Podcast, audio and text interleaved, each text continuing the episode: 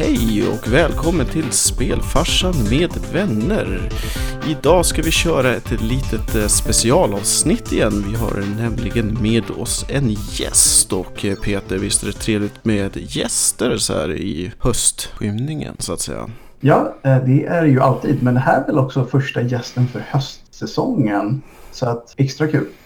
Ja, precis. Och eh, vi har nämligen med oss en eh, professionell kvinnlig e-sportare som både har sysslat eh, med Counter-Strike men nu på senare tid med Overwatch. Eh, Så med det så tänkte jag att jag bjuder in Angel till eh, diskussionen. Ja, hej. Mitt Hej, hej. namn är Angel då. då. Jag Ja. nickar Maus. Ja, Eh, Jag är 24 år och bor tillsammans med min sambo i Uppsala sedan två år tillbaka. och eh, hur, eh, hur startade det så att säga? Eh, har du gameat hela livet eller när, hur kom det till så att säga? Ja, alltså jag har ju... Jag kommer ihåg när jag var typ 5-6 år, då fick jag ett Nintendo 64 och även ett Playstation 1. Så jag har ju spelat liksom hela mitt liv så. Men ja, jag började ju spela datorspel när jag var kanske mellan 15 och 17. Mm. Då började jag, då såg jag typ någon sån här Left 4 Dead reklam på tv och tänkte åh det här ser jättekul ut. Och så hade jag liksom ja, men killkompisar då, då som spelade CS 1.6. Så fick jag för mig att en dag att bara gå ner och köpa det. Sen dess har jag varit helt fast i den här bubblan så att säga. Var det så att du kanske till och med började med lite FPS med eh, Goldeneye till 64 tänkte jag? Nej, tyvärr. Jag spelade väldigt mycket typ Mario, Yoshi Island och sånt. Så det var inte sådana spel. Nej, annars tänker jag att det, det brukar vara en sån här klassiker när man pratar om Ja. 64. Men intressant, så du fick helt plötsligt upp ögonen då för att spela, spela Counter-Strike och då 1.6 så att säga. Och eh, hur um, spelade du då ihop med din, med din bror och hans vänner? Eller hade du andra kompisar runt omkring dig som spelade? Eller hur såg det ut? Ja du, alltså om man ska börja från hela första början så tyckte jag att folk som spelade CS och WoW och sånt var alltså, nästan lite dumma. För vem fan vill slösa sin tid på sånt tänkte jag liksom. Men man ska aldrig säga aldrig för här sitter jag idag liksom och är värsta torsken för datorspel. Jag bara fick för mig att varför inte prova CS liksom. Och Ja, då hade okej. jag några få killkompisar som Ja men det var en, jag kommer fortfarande ihåg det och jag, jag har kontakt med honom än idag och han skulle visa mig hur man skjuter och hur det ser ut och ja sådana saker. Och jag kan säga att till en början så såg inte jag skillnaden på mina teammates och fienderna liksom. Så det var en kamp i början men man lärde sig med tiden. Det ska ju sägas att 1.6 kanske inte var det mest eh, grafiska mästerverket om man säger så. Så Nej. en viss förståelse kan man ju faktiskt ha för det. Åtminstone speciellt i tajta situationer så har vi nog alla lyckats med en och annan teamkill genom dagarna. Ja absolut men det har ju sin charm. Det har ju det. Och just lite kul just med Team King, för det såg vi ju faktiskt nu senast, eh, DreamHacks i Stockholm, att även på, liksom, när det är go-time och match så kan man fortfarande köra en friendly kill om man har otur. Ja, det har hänt mig också. Alltså flera gånger. Det kan ju vara när man kör en rush eller någonting och så stannar någon. Ja men hej då. Nu dör Ja. du förmodligen för att jag kanske råkar skjuta dig eller någon råkar skjuta mig liksom. Mycket nerver och mycket adrenalin. Allt kan ju hända liksom. Ja, exakt. Hur, eh, hur kommer du in på eh, att eh, börja tävla med Counter-Strike då? Kommer inte exakt ihåg vad det var men jag kanske såg någon, något Youtube-klipp eller något sånt. Okej. Eh, eller så kanske, nej det kanske var på Fragbite jag såg någon, anno, eh, inte annons förlåt, en artikel eh, om någon så här tjejturnering och då såg man ju de här stora namnen till exempel SAS, Irene och sånt som var väldigt stort på 1.6 och även idag. Och då tänkte jag så här wow det finns ju tjejturneringar i det här. Det vill jag, alltså det vill jag prova köra någon gång. Alltså sen dess så har jag bara haft ett mål och det är att bli bäst på det jag gör helt enkelt. Okej. När eh, spelade du din stö- första stora CS-tävling då? Ja du, ehm, det var fyra, fem år sedan var Okej. min första liksom, tävling. Alltså jag har ju spelat online och så men det är inte Mm. samma sak tycker jag i alla fall.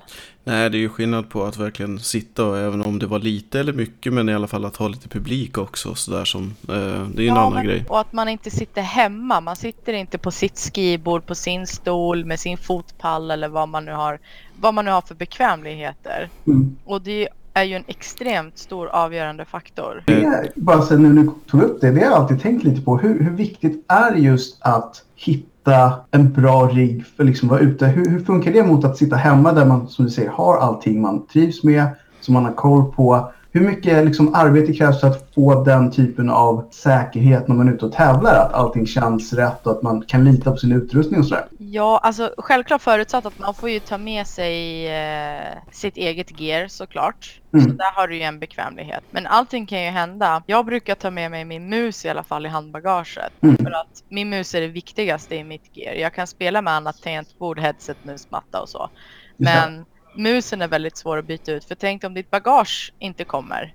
Precis. Vad gör du då? Har du sponsorer så kan du ju förmodligen låna gear. Men har de inte den musen du vill ha så blir det ju svårt. Men överhuvudtaget, alltså, jag tror inte jag hade så mycket problem med det. Man får ju förvänta sig att det är inte, man sitter inte så bekvämt. Man får bara skjuta undan det. Det är jätteviktigt med en stark mentalitet på ett sätt. Att tänka att jag tävlar och det som krävs av mig just nu är att jag måste vara stark nog och kunna, vad ska man säga, se förbi det här att jag är inte hemma och jag kommer inte sitta bekvämt helt enkelt. Man får ju helt enkelt göra det bästa av situationen. Mm. Hur mycket tycker du att eh, publiken påverkar? Hur mycket hör man för övrigt av publiken? Jag har spelat på scen innan. Nu är det ju inte värsta så här DreamHack Nej, nej, det förstår jag, jubel, men- jublet liksom.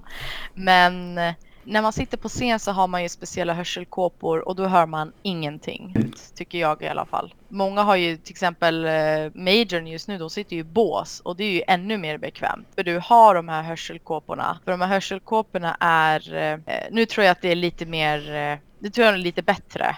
För i dagens läge är nog hörselkåporna med ljud. Annars så får du ju ha in-ears med bara alltså ljudreducering på huvudet. Ja, okej. Så det är liksom inget headset i sig. Och det, alltså den pressar ju jävligt hårt mot huvudet måste jag säga. Så man får ju ont i huvudet efter en BO3 liksom. Ja, eller en BO5 till och med som i vissa. Ja. eh, Exakt. Det känns eh, vid öronen kan jag säga dig. Men eh, vi har ju diskuterat, jag och Peter, flera gånger att eh, saknar man, alltså jag, jag förstår ju att man inte kan det, men jag, saknar man inte det som i andra sporter, att man liksom hör publiken eller publikstödet eller då liksom hejaramsor eller vad som. Kanske, men hur ska jag förklara? Till exempel mitt första LAN, då tänkte inte jag så mycket på så här, publik och grejer, men jag tänkte mer hur nervös kommer jag vara? Man brukar ju ofta säga att en spelare är antingen en bra spelare eller en onliner. Och en Mm. onliner är en sån person som bara kan prestera online och inte gör någonting, alltså chokar på LAN helt enkelt. Ja. Jag, eh, alltså det är klart mycket nerver och stress och press och sånt, det är ju en sak, men man zonar ju in sig lite. Alltså Mm. man hamnar ju lite i en bubbla när man sitter och spelar på LAN. Så att man måste liksom fokusera så att man inte tänker så mycket på omgivningen. Eh, men självklart, jag kan ju tänka mig till exempel Katowice, eh, Intel Extreme Masters när Virtus Pro spelade. Alltså publiken är ju helt galen. Det är liksom hemmaplan för dem. Mm. Men jag tror nog att de ser nog. Men Ja, nej, men alltså Ja. speciellt i CS, du kan ju inte ta in annat ljud. Du måste ju, du förlitar dig ju så mycket på, på ljudet, alltså att höra Ja. folk. Så, alltså, så att det, det är ju egentligen lite paradoxalt. Det är ju ungefär som att spela en fotbollsmatch, men eh, eh, du hör ingenting av hur publikens hejaramsor eller vrål eller vad som helst. Självklart så kan du ju göra som kanske vissa spelare att du hör ju ändå mellanbyte mellan kartor och sådana saker. Så att, men, men det är klart, man måste ju ha fullt fokus på spelet, helt klart. Men jag tror nog att det är så i alla sporter, även i fotboll, att när man hör de här hejaramsorna och hejaklacken och allt sånt där, att jag tror inte att man lyssnar riktigt, utan det blir lite mer som ett bakgrundsbrus på ett sätt. För man måste, har ju sånt fokus på det man gör. Jag Ja. tänkte säga att det är, det är väldigt intressant att du säger det, för jag var eh, verksam inom hockey under väldigt många år eh, och jag upplevde aldrig egentligen publikljud överhuvudtaget. Nej, alltså jag kan tänka mig att det blir lite som ett brus, någonting i bakgrunden, men som man inte låter påverka en på ett sätt, om du förstår vad jag menar. Man, man, det, är som, det var jättebra säga det, det är ett brus. Man vet att de är där och man lägger, alltså man ser ju att det inte är tomt på läktarna och sådär. Men man är där för att göra någonting annat. Ja, men precis. Exakt så. Det är, det är jättehäftigt att det är samma sak även då när man sitter liksom med kåpor på öronen eller då ibland kanske till och med i bås. Att det är så här, nej jag är här för det här. De är här för att se mig spela. Det är väl på någon helt annan liksom, mental nivå. Man har inte tid att tänka på det just då utan då är det matchen liksom. Ja, precis. Det är häftigt att sport verkligen är sport överallt. Ja, exakt. Det är ju fokus helt enkelt. Det är det Mm, mm. absolut viktigaste. Hur tycker du att under de här åren då som du har varit aktivt och varit tävlande att eh, det är ju tyvärr fortfarande så att den kvinnliga scenen är ju ganska liten inom e-sporten. Eh, men tycker du som, eh, som vi och många andra att den, att den utvecklas och tar mera plats eller tycker du att det går åt rätt håll eller hur, hur ser du på det? Ja, alltså den tar ju absolut mer plats Mm. och den är ju på rätt håll. Men jag tycker att den hade ju kunnat vara större. Absolut, med tanke på hur många tjejer som spelar och hur mycket lag det finns etc. etc. Men jag känner att den framgången som den kvinnliga e-sporten har gjort i sig, alltså med tävlingar och communities och sånt. Jag tycker att det ändå är bättre än ingenting. Mm. Absolut. Om, alltså, det hade lika gärna kunnat vara så illa att det bara var en turnering per år, två turneringar per år, vilket det var för, i flera år för bara några år sedan. Nu är det, kan det vara upp mot fem sex stycken. Det beror ju helt och hållet på arrangörerna. Så. Ja, för att det känns ju som att många av eh, de stora arrangörerna som IEM och så vidare att de ändå då anordnar åtminstone att de har en först en, en, den, k- den kvinnliga versionen och sen så har de majorn eller den manliga därefter så att säga. Åtminstone var det väl så i, i Katowice när vi var där. Ja, precis. Och där ser man ju att till exempel EM har ju just nu, om jag inte misstar mig, har jag haft den största prispotten för kvinnor hittills. Och det betyder ju bara det att den kommer ju bara växa och växa. Mm. Och det är ju ett stort steg på vägen, självklart. För att om, eh, om jag ska vara minst lika bra som her- herrproffs så måste Mm. jag också lägga ner tid. Men hur ska jag kunna lägga ner lika mycket tid om inte jag kan försörja mig utanför spelet? Ja, Det precis. krävs ju att man också kan tjäna pengar på det. Ja, för jag tror att det största hotet egentligen mot professionell e-sport på kvinnliga sidan, det är streamingen. Därför att det är många kvinnor som streamar och tjänar antagligen mycket, mycket mer pengar på det än om de skulle vara proffs. Så kan man säga absolut. Men jag kan säga det att det problemet finns även hos herrarna. Jo, ja, absolut. mycket. Det finns ju jättemånga streamers, vi kan säga till exempel Shroud. Varför skulle Ja, han verkligen. fortsätta spela i, inte ett dött lag, men kanske som han såg det, vad vet jag. Han tjänade ju extremt mycket mer på sin streaming än, än att spela liksom. Så där förstår man ju absolut att han är ju tvungen att göra ett val liksom. Men sen så beror det ju även på ens motivation. Om man inte har motivationen att fortsätta trots sådana motgångar så, för, så tycker jag absolut att han gjorde rätt val. Jag hörde faktiskt honom eh, i ett program just prata om, om varför lämna liksom en framgångsrik e-sportskarriär. Det är många av de punkterna som du tog upp. Just att det är på ett sätt enklare eh, om man fortfarande håller på med någonting som man verkligen tycker om som är då gaming. Eh, men också väldigt lukrativt. Har man, det är ju ganska många som har sett just e-sporten som en bra plattform. Man blir ju streamad och man får, många kan se vem du är som Ja. gamer och som artist. Och sen så kan man liksom ta den populariteten och flytta över den då till exempel till Twitch. Och så har man redan en grogrund att stå på. Och Ja, det, det kan jag förstå att det är lockande för att då har man redan, man kan bygga vidare på det man redan har. Bara det att man kanske då inte behöver resa runt lika mycket och liksom känna hela den här nervpressen och stressbiten och allt sånt där. Så att det, det är väl en balans som kanske är här för att stanna eller vad man ska säga. Tror du på att det skulle kunna vara en väg att få det att gå snabbare? Att man helt enkelt eh, slår ihop kvinnliga och manliga turneringar till mixlag istället? Att man struntar i kön? nej, det gör jag inte. Inte än i alla fall. Eh, om man säger så här att alla är ju välkomna att kunna delta i kvalet till majorn. Oavsett mixlag eller helt tjejlag. Men om man säger så här att det är, om det är tusen killar som spelar så är det bara 100 tjejer som spelar. Så tusen är det 300 som är riktigt bra eller har riktigt bra potential. Och utav de 100 tjejerna är det bara 30 som är extremt bra eller har riktigt bra potential. Så att den här, vad ska man säga, det blir ju inte en fair ratio på hur mycket tjejer som vistas som är bra och hur många killar som vistas som är bra. Mm. Mm. Många tjejer kan ju även känna att det är en extremt mansdominerad scen. Mm. Eh, och det finns extremt många bittra människor i den här världen som väljer att trycka ner kvinnor bara för att vi är en minoritet. Mm. Och jag tror att det är på ett sätt en, eh, vad ska man säga, alltså när en tjej växer upp så kanske inte hon får spel att spela. Tyvärr. Mm. Men en kille får ju det. Alltså i dagens läge är det ju helt annorlunda såklart. Eh, men överhuvudtaget så brukar det oftast vara så att killar växer upp med spel men det gör inte tjejer. Så de, de flesta proffsen idag, alltså i eh, elittoppen liksom hos män, de har ju spelat sedan de var barn. Och det är ju inte så konstigt att de är världsbäst medan tjejer som har börjat spela som mig sedan de var 16, alltså mellan 15 och 17 år, alltså det är ju väldigt sent egentligen på ett sätt. Och ja, jag tror att... Ja, sport i stort så är det ju verkligen så här, då har ju ja. de flesta hållit på i 5-6 år redan nästan professionellt, många Exakt. eller professionellt. Så att det är nog ganska unikt just för e-sport att det är så pass stor skillnad just mellan könen. Ja, precis. Och eftersom att det kan ju vara en väldigt så här, grabbig stämning och det kan vara mycket, alltså egentligen sexuella trakasserier som många kvinnor mm. får uppleva nästan varje gång de spelar eller bara pratar i Voicecom. Mm -hmm. Så tycker jag det är bra med tjejturneringar och tjejcommunities. För att då bildar man någonting lite eget.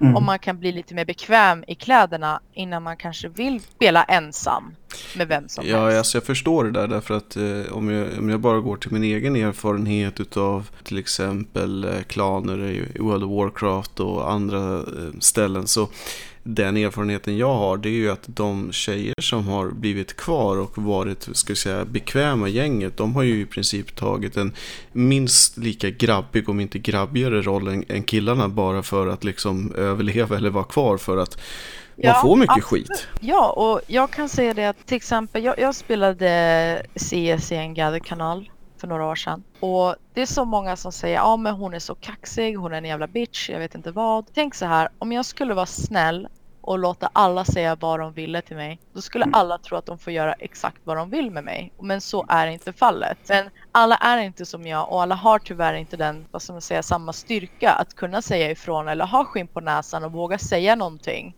som mm. kanske gör vissa killar väldigt obekväma. För mig, jag, jag bryr mig inte. Jag är här och är värd att ha kul lika mycket som vem som helst. Men mm. om någon försöker ta den friheten ifrån mig, då säger jag ju till och visar dem att det inte är okej. Okay. Eller självklart ignorera dem, beror på vad det är för typ av reasonable människa liksom. Så det gör ju en extremt stor skillnad. Och jag förstår att många tjejer måste göra så. För att ja. det blir lite som en, vad ska man säga, every man for himself nästan. När det kommer till tjejer. För de måste ha en lite mer eh, måste ha en attityd, måste visa vem man är. Alltså man måste liksom markera sig lite. Mm. annars tror ju många att ja, men jag får ju säga vad jag vill till den här tjejen. Hon bryr sig inte. Alltså jag får ju, om man kan säga så. Just det. Ja, nej men det, det, alltså det är ju ett eh, problem överlag. Sen att det drabbar kvinnor extra mycket. Men just, eh, ska vi kalla det den hårda attityden som är online för alla, speciellt yngre som träder in i, eh, i speciellt tävlingsriktad gaming. Så som sagt, det är man, eh, har man lätt för att ta åt sig eller så vidare så kan man ju bli riktigt illa däran bara på grund av att det förekommer ganska så hårda attityder ute om man säger. Precis, och det finns ju många sätt att tackla det där. Först och främst så säger många att ah, men ta inte åt dig bara. Mm. Skitsamma, låt det bara rinna av dig. Men alla kan inte göra det och man måste respektera det.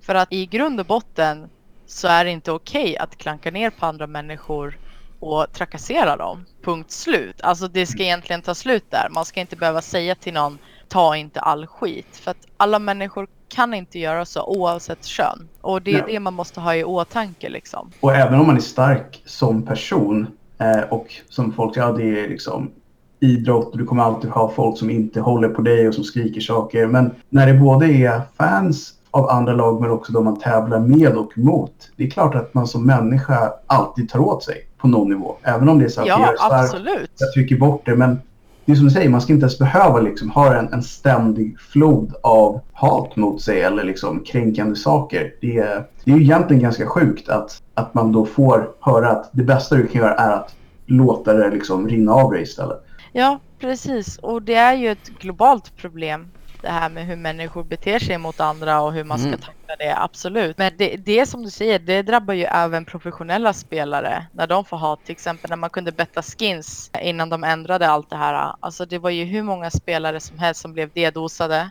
vilket mm. påverkade deras välmående på ett sätt för deras lag förlorar ju. De går ju miste om vinster, alltså vinstpengar till exempel. Många, alltså jag har ju sett att många spelare får även liksom hot meddelanden till sig. Just det. Jo, Bara för att folk har förlorat sina skins liksom. Alltså det är ju helt det är absurt. Ja. Ja, men det är ju så många också, egentligen alla offentliga personer får ju ta emot mycket skit på nätet. Det är ju, det är ju ofrånkomligt, men samtidigt är det samma sak där. Nej, det borde inte vara så, men tyvärr är det så. Men vad Ja, tycker precis. du, vad tycker du att, om vi tittar på organisationer som till exempel ESL eller IEM eller DreamHack eller vad, vad tycker du att de borde ta tag i och göra mer för att få in den eh, alltså kvinnlig gaming eller få fler att eh, vilja komma och börja spela och, och organisera sig och så? Ja, alltså jag vet ju inte exakt vad de specifikt kan göra så, men till exempel ESL har ju haft tjej, tjejkupper och tjejligor i flera olika spel. Jag har spelat många av dem och det har de haft i ett par år, men det liksom dör ut lite för att ibland finns det till exempel ingen värdig prispott. Det kanske bara är äran. Mm. Och det är ju klart att det kanske är lite snyggt att skriva det på sitt, vad ska man säga, spelar-CV.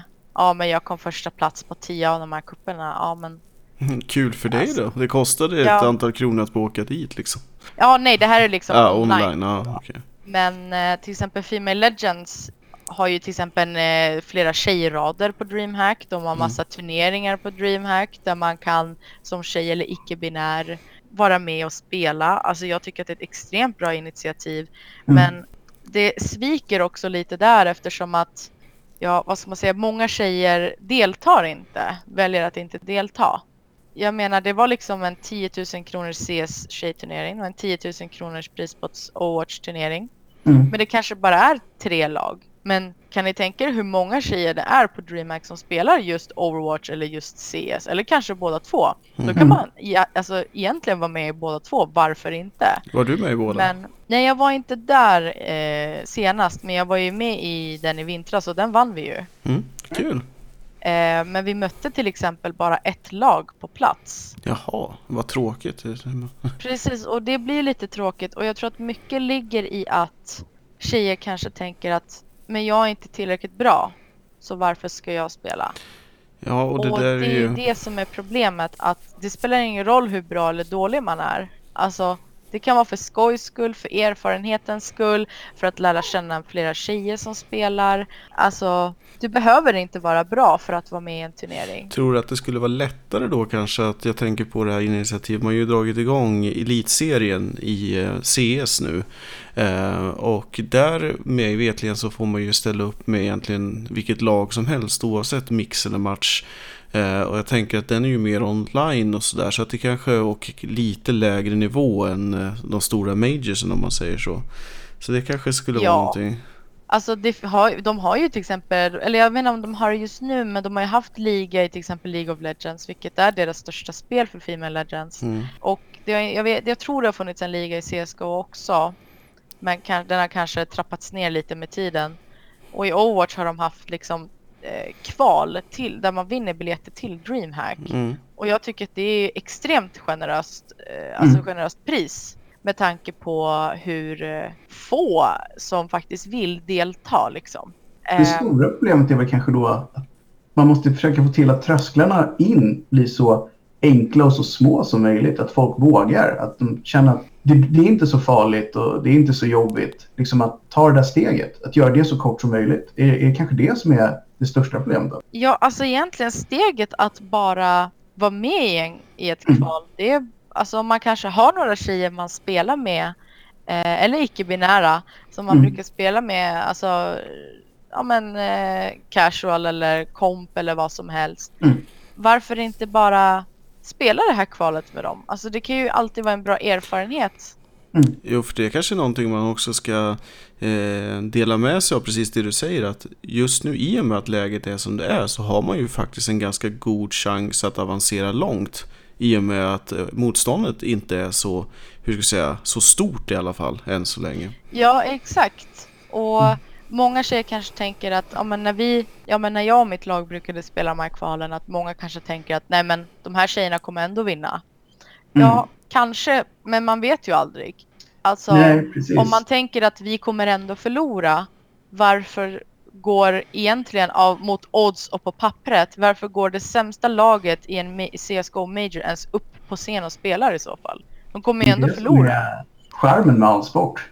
Ja, ja precis. Allt kan, allt kan hända liksom och det är inte ja. över förrän någon är i mål helt enkelt. Nej, men det är ju... Man måste ha det liksom lite i åtanke. Men jag tror att mycket av den här mentaliteten att man tänker att nej men jag är inte tillräckligt bra för att kunna mm. spela den här kuppen eller kvalet, turneringen, ligan. Jag tror att mycket av det kommer ju det att eftersom det är en mansdominerad scen mm. så vräker ju många ur sig att ja men killar, varför är tjejer så himla dåliga på spel jämfört med killar? Mm. Då tänker ju automatiskt många tjejer, inklusive jag själv, ja men varför ska jag vara med och spela svenska elitserien? Jag är ju inte lika bra som killarna där. Fast det vet jag ju inte. Nej, precis. Men det blir ju psykologisk spärr som man måste bryta ner. Ja. Men vi har ju haft några stycken eh, också som har tagit sig eller märkt ut sig lite mer. Nu är inte jag jätteinsatt i Overwatch-scenen, men jag vet att det var en kvinnlig spelare som kom med i proffstouren ihop med ett manligt lag. Eh, jag kommer dock inte ihåg. I Overwatch? Ja, precis. Men jag kommer inte ihåg vad, vad hon hette. Men, eh, och det har även förekommit i, i, um, i Starcraft också. Och på sådär. Så att det finns ju ja. några frontfigurer som, som egentligen borde vara de som ska vara lite ambassadörer och visa att det här går ju faktiskt. Ja, absolut. Och eh, det är ju Geguri som eh, togs in i Shanghai Dragons Precis. för Overwatch League. Alltså, jag tycker att det är ett så extremt stort steg. För jag mm. tror att även att även fast jag inte ser vad tjejer gör med sitt spelande när de tävlar så är det mycket som, eh, vad ska man säga, mycket som händer lite där ingen, som inte uppmärksammas. Jag menar, mm. jag och mitt tjejlag för tre år sedan kom tredje plats på en uh, amatörbiok på DreamHack Tours. Mm. Och vi var, vi, det var två tjejlag liksom. Mm. Så vem hade trott det? Men det uppmärksammas ju inte på samma sätt. Och då tänker många att, ja men vadå, bara för att ni är tjejer så ska ni bara ha all publicitet. Absolut inte. Men anledningen, anledningen till varför jag vill att det ska lyftas upp det är för att det här kan motivera andra tjejer och tänka att det är inte omöjligt. För det är det inte, utan det är bara du själv som sätter dina gränser och dina mål och vad du vill åstadkomma. Sen liksom. tycker jag också att många borde tänka mer så här, för, för min del egentligen så är inte jag så här jätteintresserad av själva debatten utav eh, kvinnligt och manligt på så sätt. Utan jag ser det mer som att Gamingen har ju gått från att vara en nördhobby för folk med glasögon i källaren utan riktiga kompisar till att kämpat jättehårt att ta sig in i finrummet. Man har också försökt att e-sporten ska bli en erkänd sport och man ja. har jobbat väldigt hårt och då tycker jag att, så att då borde man som spelare oavsett kön eller speciellt som man så borde man vara så här, man borde bjuda in den kvinnliga sidan mycket mer. För får man med sig hälften av befolkningen på racet då kan man helt plötsligt legitimera eh, spelandet på ett helt annat sätt. För jag tänker också så att det är många av de här kvinnorna som växer upp som kanske blir skrämda från gaming eller professionell gaming som sen blir mammor som sen får barn som också helt plötsligt ska tuta i djungeln att det där med gaming det ska du inte hålla på med för då, då får du inga kompisar och då sitter du bara hemma och gör inga läxor och så vidare och så vidare. Så att det, det är ju det är mycket större än, än bara alltså, än, än bara att hävda vem som är duktig på Counter-Strike. Ja, absolut. Nu är jag en extremt tävlingsinriktad människa. Mm. Um, så jag tänker ju att allting för att vinna. Men mm. det finns ju absolut de som spelar för att det är kul. Absolut. Mm. Och det är ju jag också. Jag menar jag spelar hur mycket World of Warcraft som helst för jag tycker det är skitroligt. Ja. Jag är inte så speciellt bra liksom. Men det är ju mm. det alltså att... Det ska ju vara glädje liksom. Ja exakt. Finns det inte en glädje så kan man ju inte heller bestämma sig för att ta det till nästa nivå. För då blir det ingenting som ger... Alltså, så har i alla fall varit allt för mig när jag håller på med sport. Att det måste finnas en, en grundglädje i det man gör, annars är det inte värt att lägga tiden. Och när man känner den så kan man inse att jag har mer att ge. Jag vill ta det till en annan nivå. Så jag tror ja. att det är en naturlig liksom, utveckling på hela det där. Ja, det är det absolut. Och jag håller ju med om att, ja, men att spela, jag menar när jag gick i grundskolan så tyckte jag att så tyckte ju mina, vad ska man säga, de andra tjejerna tyckte att det var väldigt konstigt att jag spelade, att, det var, att jag var som en kille Mm. eh, och sånt. Och jag kände så här, men vadå, det är ju skitroligt att spela typ Crash Bandicoot på Playstation. Alltså, Mm. ni missar ju någonting tyckte jag. Kul är kul oavsett vad det är. Det är egentligen det som Ja, men borde handla om. exakt. Jag menar, jag har inte så stort intresse för smink som, mång- som man egentligen kan säga ett generellt intresse för tjejer. Alltså Mm. många tjejer gillar smink och så. Bara för att jag inte förstår mig på det så betyder inte det att folk inte har rätten till att njuta av det. Nej, och ha lika roligt som när man själv har en bra runda i något spel online. Liksom. Det, det borde Ja, exakt. Hur tycker du att, är det samma, ska vi kalla det, grabbiga eller frostiga relation mellan professionella manliga spelare och professionella kvinnliga spelare? Det vill säga att om man träffas på, på samma tour att, eh, eh, att det är samma liksom, vad gör ni här? Eller finns det lite mer av Nej. en professionalism där så att säga? Eh, det finns absolut en mer professionalism där. Och det beror ju absolut också på vem, vem man stöter på. Mm. Såklart. Alla har ju sina åsikter. Absolut. Vissa tycker att tjejturneringar borde inte ens existera. Mm. Och de spelar i elitlag. Jag menar, jag kunde inte bry mig mindre om deras åsikt så. Jag har min. Eh, men jag personligen tycker att det finns absolut en lite mer professionell, alltså sportsmanship beteende där. Mm.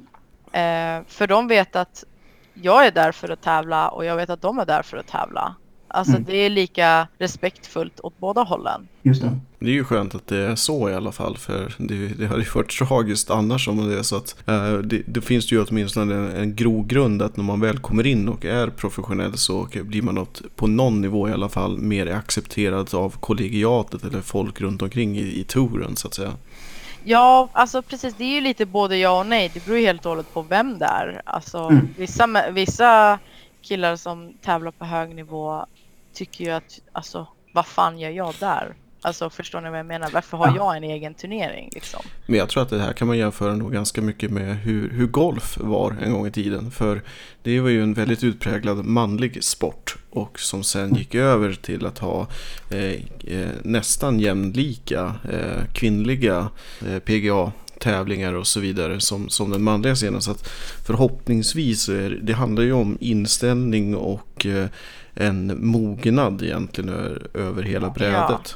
Precis, det är det. Jag tycker ju att, för golfen är ju en framgångssaga på många sätt, men e-sporten är ju nästan, i alla fall i mitt tycke, ännu häftigare på det sättet att könen här har egentligen noll betydelse från en prestationssynpunkt. Det brukar alltid vara det som de här, vad ska man säga, de som inte förstår varför kvinnlig sport är helt på samma nivå med tanke på engagemang och vad man vill få ut och vad det är för viktigt för de som deltar. För att säga, jo men en manlig golfare kan fortfarande slå längre. Det är alltid bättre passningar i fotboll och en, eh, de tacklar inte i hockey. Alla de där argumenten komma upp i andra sporter. Men just i e-sport så är det verkligen ingenting av det som spelar in. Det är så här, en bra e-sportare är en bra e-sportare oavsett kön. Det är det jag tycker är så häftigt med e-sport. Här finns verkligen en chans att ha de bästa gamers. Ja, absolut. Och det som håller det tillbaks lite är ju mycket det att jag tror att det är väldigt långt kvar innan ett helt tjejlag kan tävla i en major. Men jag tror absolut att det finns kvinnliga spelare som kan tävla i ett mixlag i en major.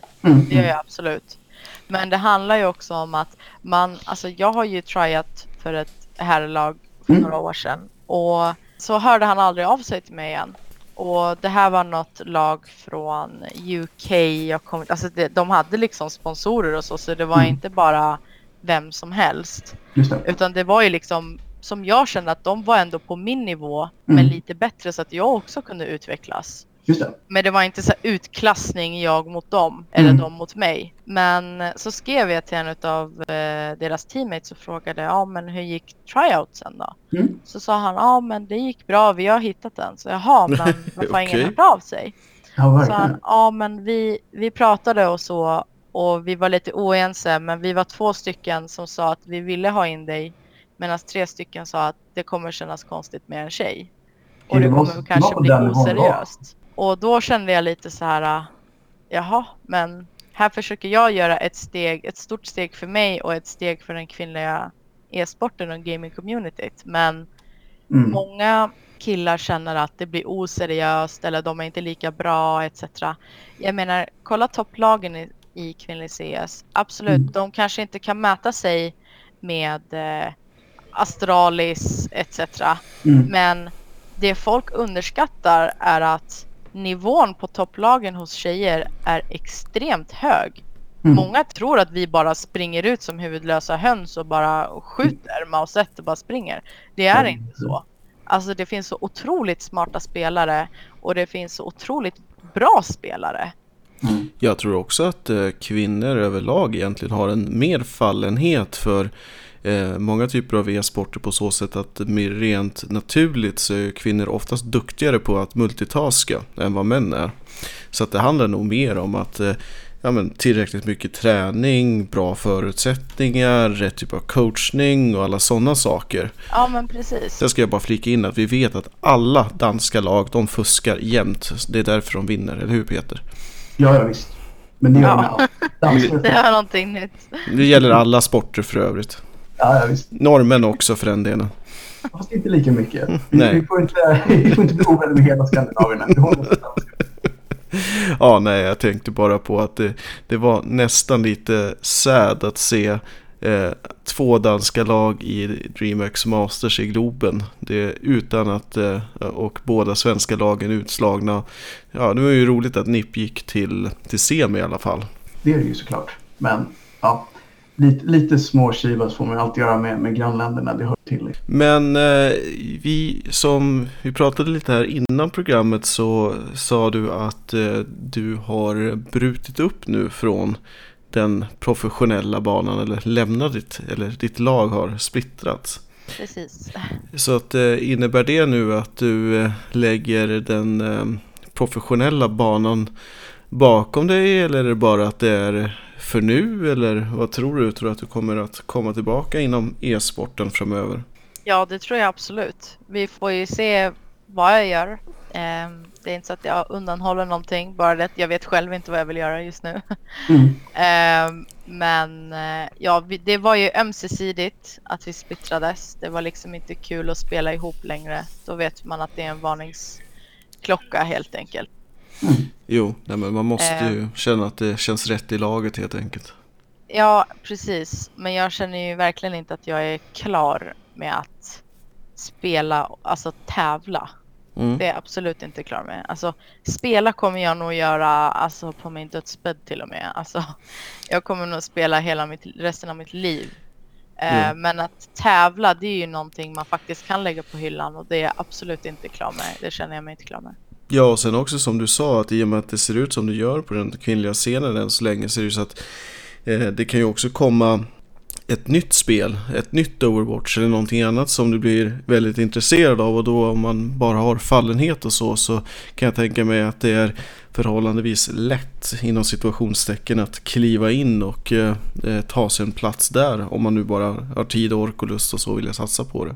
Ja, absolut. Jag menar, jag bara gled in på Overwatch på ett bananskal typ. Alltså, Mm. det var några tjejer som hade skrivit till min eh, kompis eh, Santo. Och hon skrev till mig, bara men kom vi spelar den här kuppen med de här tjejerna, det är någon tjejkupp typ. Och sen dess så hade vi varit ett lag och det var väl ungefär ett år sedan. Mm. Ehm, och så började vi liksom tävla och pracka ihop väldigt mycket. Så ja, Kanske till och med att starta ett, ett, ett, ett, streaminglag som egentligen inte tävlar professionellt på så sätt men mer att man har ett gäng som spelar ihop och streamar ihop också. Det är ju en variant. Ja, absolut. Alltså det, det finns ju många sådana små communities på Twitch. Men kan, alltså, det finns ju så här små communities som man ser att de streamar för. De kanske inte allihop alltid spelar tillsammans, men så är det ju absolut. Det finns det ju mycket av, men ändå inte. Mm. Mm. En sak som jag funderar lite på nu när jag har pratat mycket. Om man säger att man har andra unga tjejer då som kanske hamnar lite i din situation. Att man upptäcker av någon anledning att det finns eh, spel där ute och de känner att det här skulle kunna vara någonting för mig. Vad skulle det ge för tips? Att man, liksom, vad är det första steget man borde ta som ung och nyfiken eller vad man ska säga? Eh, första steget för att komma in i ett lag eller hur menar du? Ja, eller närma sig liksom själva scenen. Sen var man då hamnar är väl kanske upp till var och en. Men om man känner sig att det här skulle kunna vara något för mig, hur gör jag nu? Eh, ja, jag skulle ju absolut rekommendera att kanske kolla upp eh, kvinnliga och icke-binära grupper på Facebook. Det Mm. finns till exempel CSGO Ladies, Overwatch Ladies, Women of Overwatch med fler, alltså tusentals medlemmar. Mm.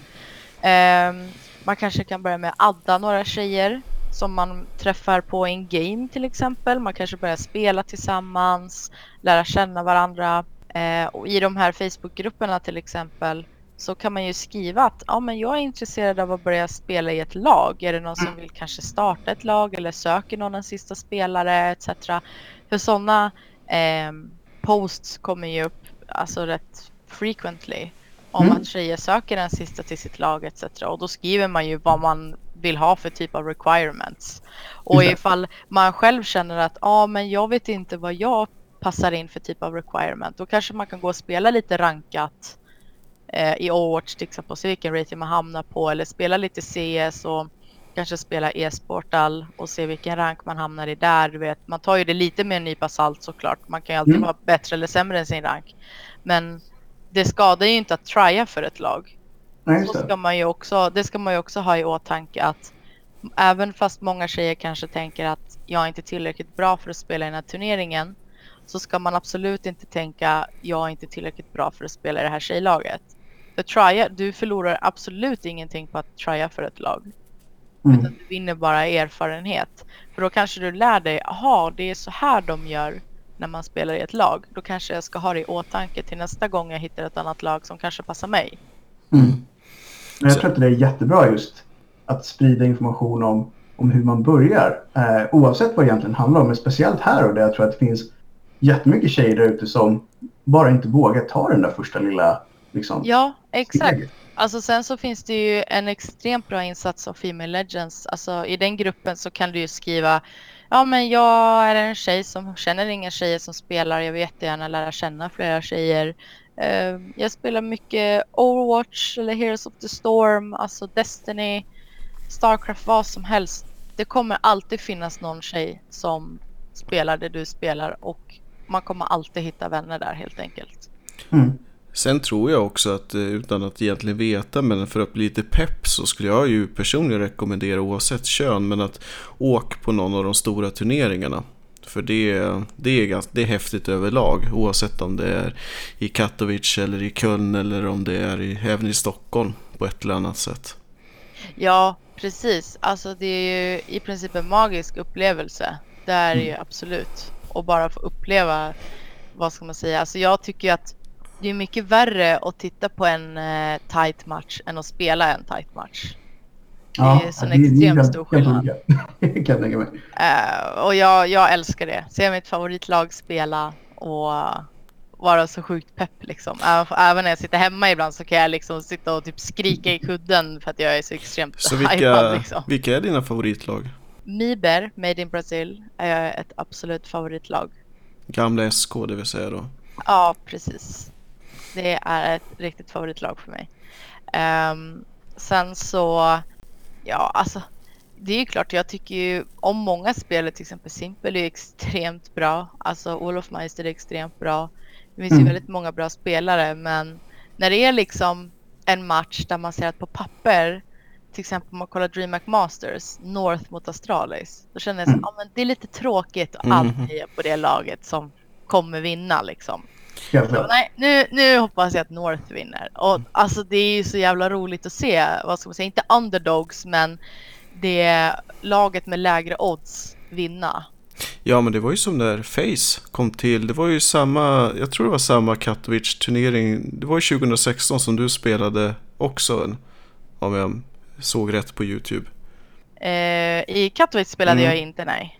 Nej okej, men jag såg bara något YouTube-klipp med någon intervju på något sätt. Men det kanske var någonting annat då. Ja, det kan ju ha varit en annan tjejspelare. Det var ju tjejer där också och spelade såklart. Ja okej, ja, hur- det spelar egentligen ingen roll. Men jag tänkte på eh, då att eh, Face hade ju spelat ihop en vecka. Och kom tvåa och var nästan på väg att spöa. Eh, var det Astralis eller vilka var det Peter som de spelar var mot. Ja, precis. Så att ja, underdogs är alltid spännande. Ja, precis. Alltså det är ju de gamesen tycker jag som är extremt roliga att se liksom. Jag Mm. tror att en sport som ska vara levande måste ha utmanare med jämna mellanrum. Det, är- det är det Ja. som gör att det är värt att titta. Någon kommer att ha en helt ny taktik. De tar en karta på ett sätt som ingen har gjort förut. De har en ny attityd. Vad som helst. Det gör att det blir spännande. Och det behövs i all sport. Ja. Vinner samma lag varje gång så blir det ganska trist. Ja, typ som de två första åren Ja. i. Det var ju bara nipp liksom. Mm. Mm. Så nej, allt, allting som utmanar eh, är oftast bra tror jag. Mm. Ja, nej men det är ju det, är det som får Det är därför man tittar på sport överhuvudtaget. Att eh, hade det varit förutsägbart så hade ju ingen tittat på någonting höll på att säga. Utan det är ju att spänningen som finns där. Att det faktiskt vem som helst kan vinna. Även om det är mer mycket sannolikt att eh, ja, ett specifikt lag vinner. Men jag tycker att speciellt på C-sidan så är det ju ganska så stor rotation ändå på vem som vinner Majors. Även om det är, är överkant utav, säg Astralis, Face och ett par andra lag. Men samtidigt, det är ju inte som det var förr när antingen Fnatic eller NIP vann, eh, ja vadå, 10 av 12 eller någonting i den stilen. Precis. Men det tror jag också är lite beviset på att, att sporten växer. Att alla de som är i toppen är så pass bra att om de har en bra dag eller en bra turnering så kan de faktiskt vinna. Och det, är- det är ett sundhetstecken tycker jag. Och det är ju det man egentligen vill ha inom all e-sport. Att det är så pass Ja. många att det är så här, ingen inom citationstecken dålig spelare kan vinna men alla är så pass bra att man kan utmana. Ja, precis. Liksom ska man säga lite mera jämställt på det sättet. Eller jämnt snarare. Precis. Ja, men eh, och eh, som lite avrundande här då, vad, vad tror du då om eh, e-sport och kanske även ja, förstås då kvinnlig e-sport överlag då om vi tittar framåt tre år, fem år och så vidare. Vad, vad är det du ser, ser framför dig kommer hända? E-sport. Mm. Jag tror absolut att den kvinnliga e-sporten kommer ha växt väldigt mycket. Väldigt, väldigt mycket. Jag tror att det kommer vara lite mer, alltså det är ju klart det är ju vanligt med tjejer som spelar idag. Men det finns människor som vägrar acceptera det helt enkelt. Ehm, jag hoppas innerligt att det ses som en sport i Sverige finns, och i, i många andra länder i världen. Eftersom det finns många spelare som tyvärr inte kan åka på turneringar på grund av visumproblem. Och det skulle ju inte hända ifall du var en atlet så att säga. Nej. Men det jag hoppas på mest och kommer absolut kämpa för det är ju att kvinnor och män ska vara mer jämställda inom e-sport. Mm. Jag känner att det är liksom bland det viktigaste faktiskt. Mm. Eh, för det är ju som du säger, tänk om hälften av alla som spelar faktiskt får på riktigt vara med och det är absolut ingen klyfta eller något sånt. Det skulle ju göra sån extremt stor skillnad. Ja, verkligen. Det skulle Eh. vara både bra och häftigt och givande. Det skulle göra det Ja. ännu bättre. Extremt givande. Mm. Mm. Ja, alltså det kommer ju komma större och större prispotter och flera och flera turneringar inom fem år. Det tror jag absolut. Det finns ju redan liksom e-sport, eh, vad ska man säga, linjer i Sverige. Där du Mm. kan typ plugga e-sport och hur man eh, är en professionell gamer etc. Mm. Eh, jag tror att det bara kommer växa. Även i grundskolan så har ju Area Academy till exempel tagit tag i att gå ut att utbilda unga om just e-sport, att Jo. spela professionellt och så. Malmö e-sport har ju också dragit igång eh, skol-SM eller någonting liknande. Ja. Så det är ju många, många initiativ som är på gång. Det är bara att hoppas på att, att det får momentum och eh, eh, sätter sig. Men jag tror att ett säkert kort som säger att e-sporten är här för att stanna och växa. Det är ju också att bettingen har kommit in. För när bettingen kommer in då kommer pengarna in och då växer Ja. det per automatik. Exakt. Nej, men Mm. det är intressant. För att, eh, vi har pratat ganska mycket om de här bitarna i andra program. Och det, det är jättekul att höra att du har samma, samma syn på det. Att det, det går kanske lite långsamt och är kanske ibland ett steg bakåt, två steg framåt. Men det är ändå på väg åt, åt rätt håll. Ja, precis. Jag menar för fem år sedan fanns det bara max två tjejturneringar per år. Hade vi tur fanns det tre. Nej, vi håller alla tummarna för att det går så snabbt som möjligt. Det, Ja. det blir kul. Ja, nej, det jag hoppas verkligen att det blir så. Ehm, har du eller vi någonting mer som vi önskar att ta upp för kvällen innan vi rundar av? Nej, ingenting speciellt förutom att om du är en tjej och lyssnar på det här och har funderat på att kanske delta i någon cupliga turnering online eller kanske bara på en DreamHack biok så gör det. Det är en extremt rolig erfarenhet och du förlorar absolut ingenting på att göra det. Och du Peter, ingenting du vill tillägga innan vi säger tack och adjö? Nej, Jag kan bara hålla med om att det där lät som ett jättebra råd och eh, också stort tack för att du vill vara med i programmet. Det var jätteintressant att höra om gaming från eh, både perspektiv som kvinnlig gamer men också en gamer som har varit ute och spelat tävlingar och levt i livet eller vad man ska säga. Så jättekul. Ja, tack för att jag fick vara med. Det var Ja. jätteroligt. Ja, och jag säger samma sak. Att eh, stort tack för att du var med och eh, då säger vi som vanligt då tack och hej för ikväll och på återhörande. Hej hej!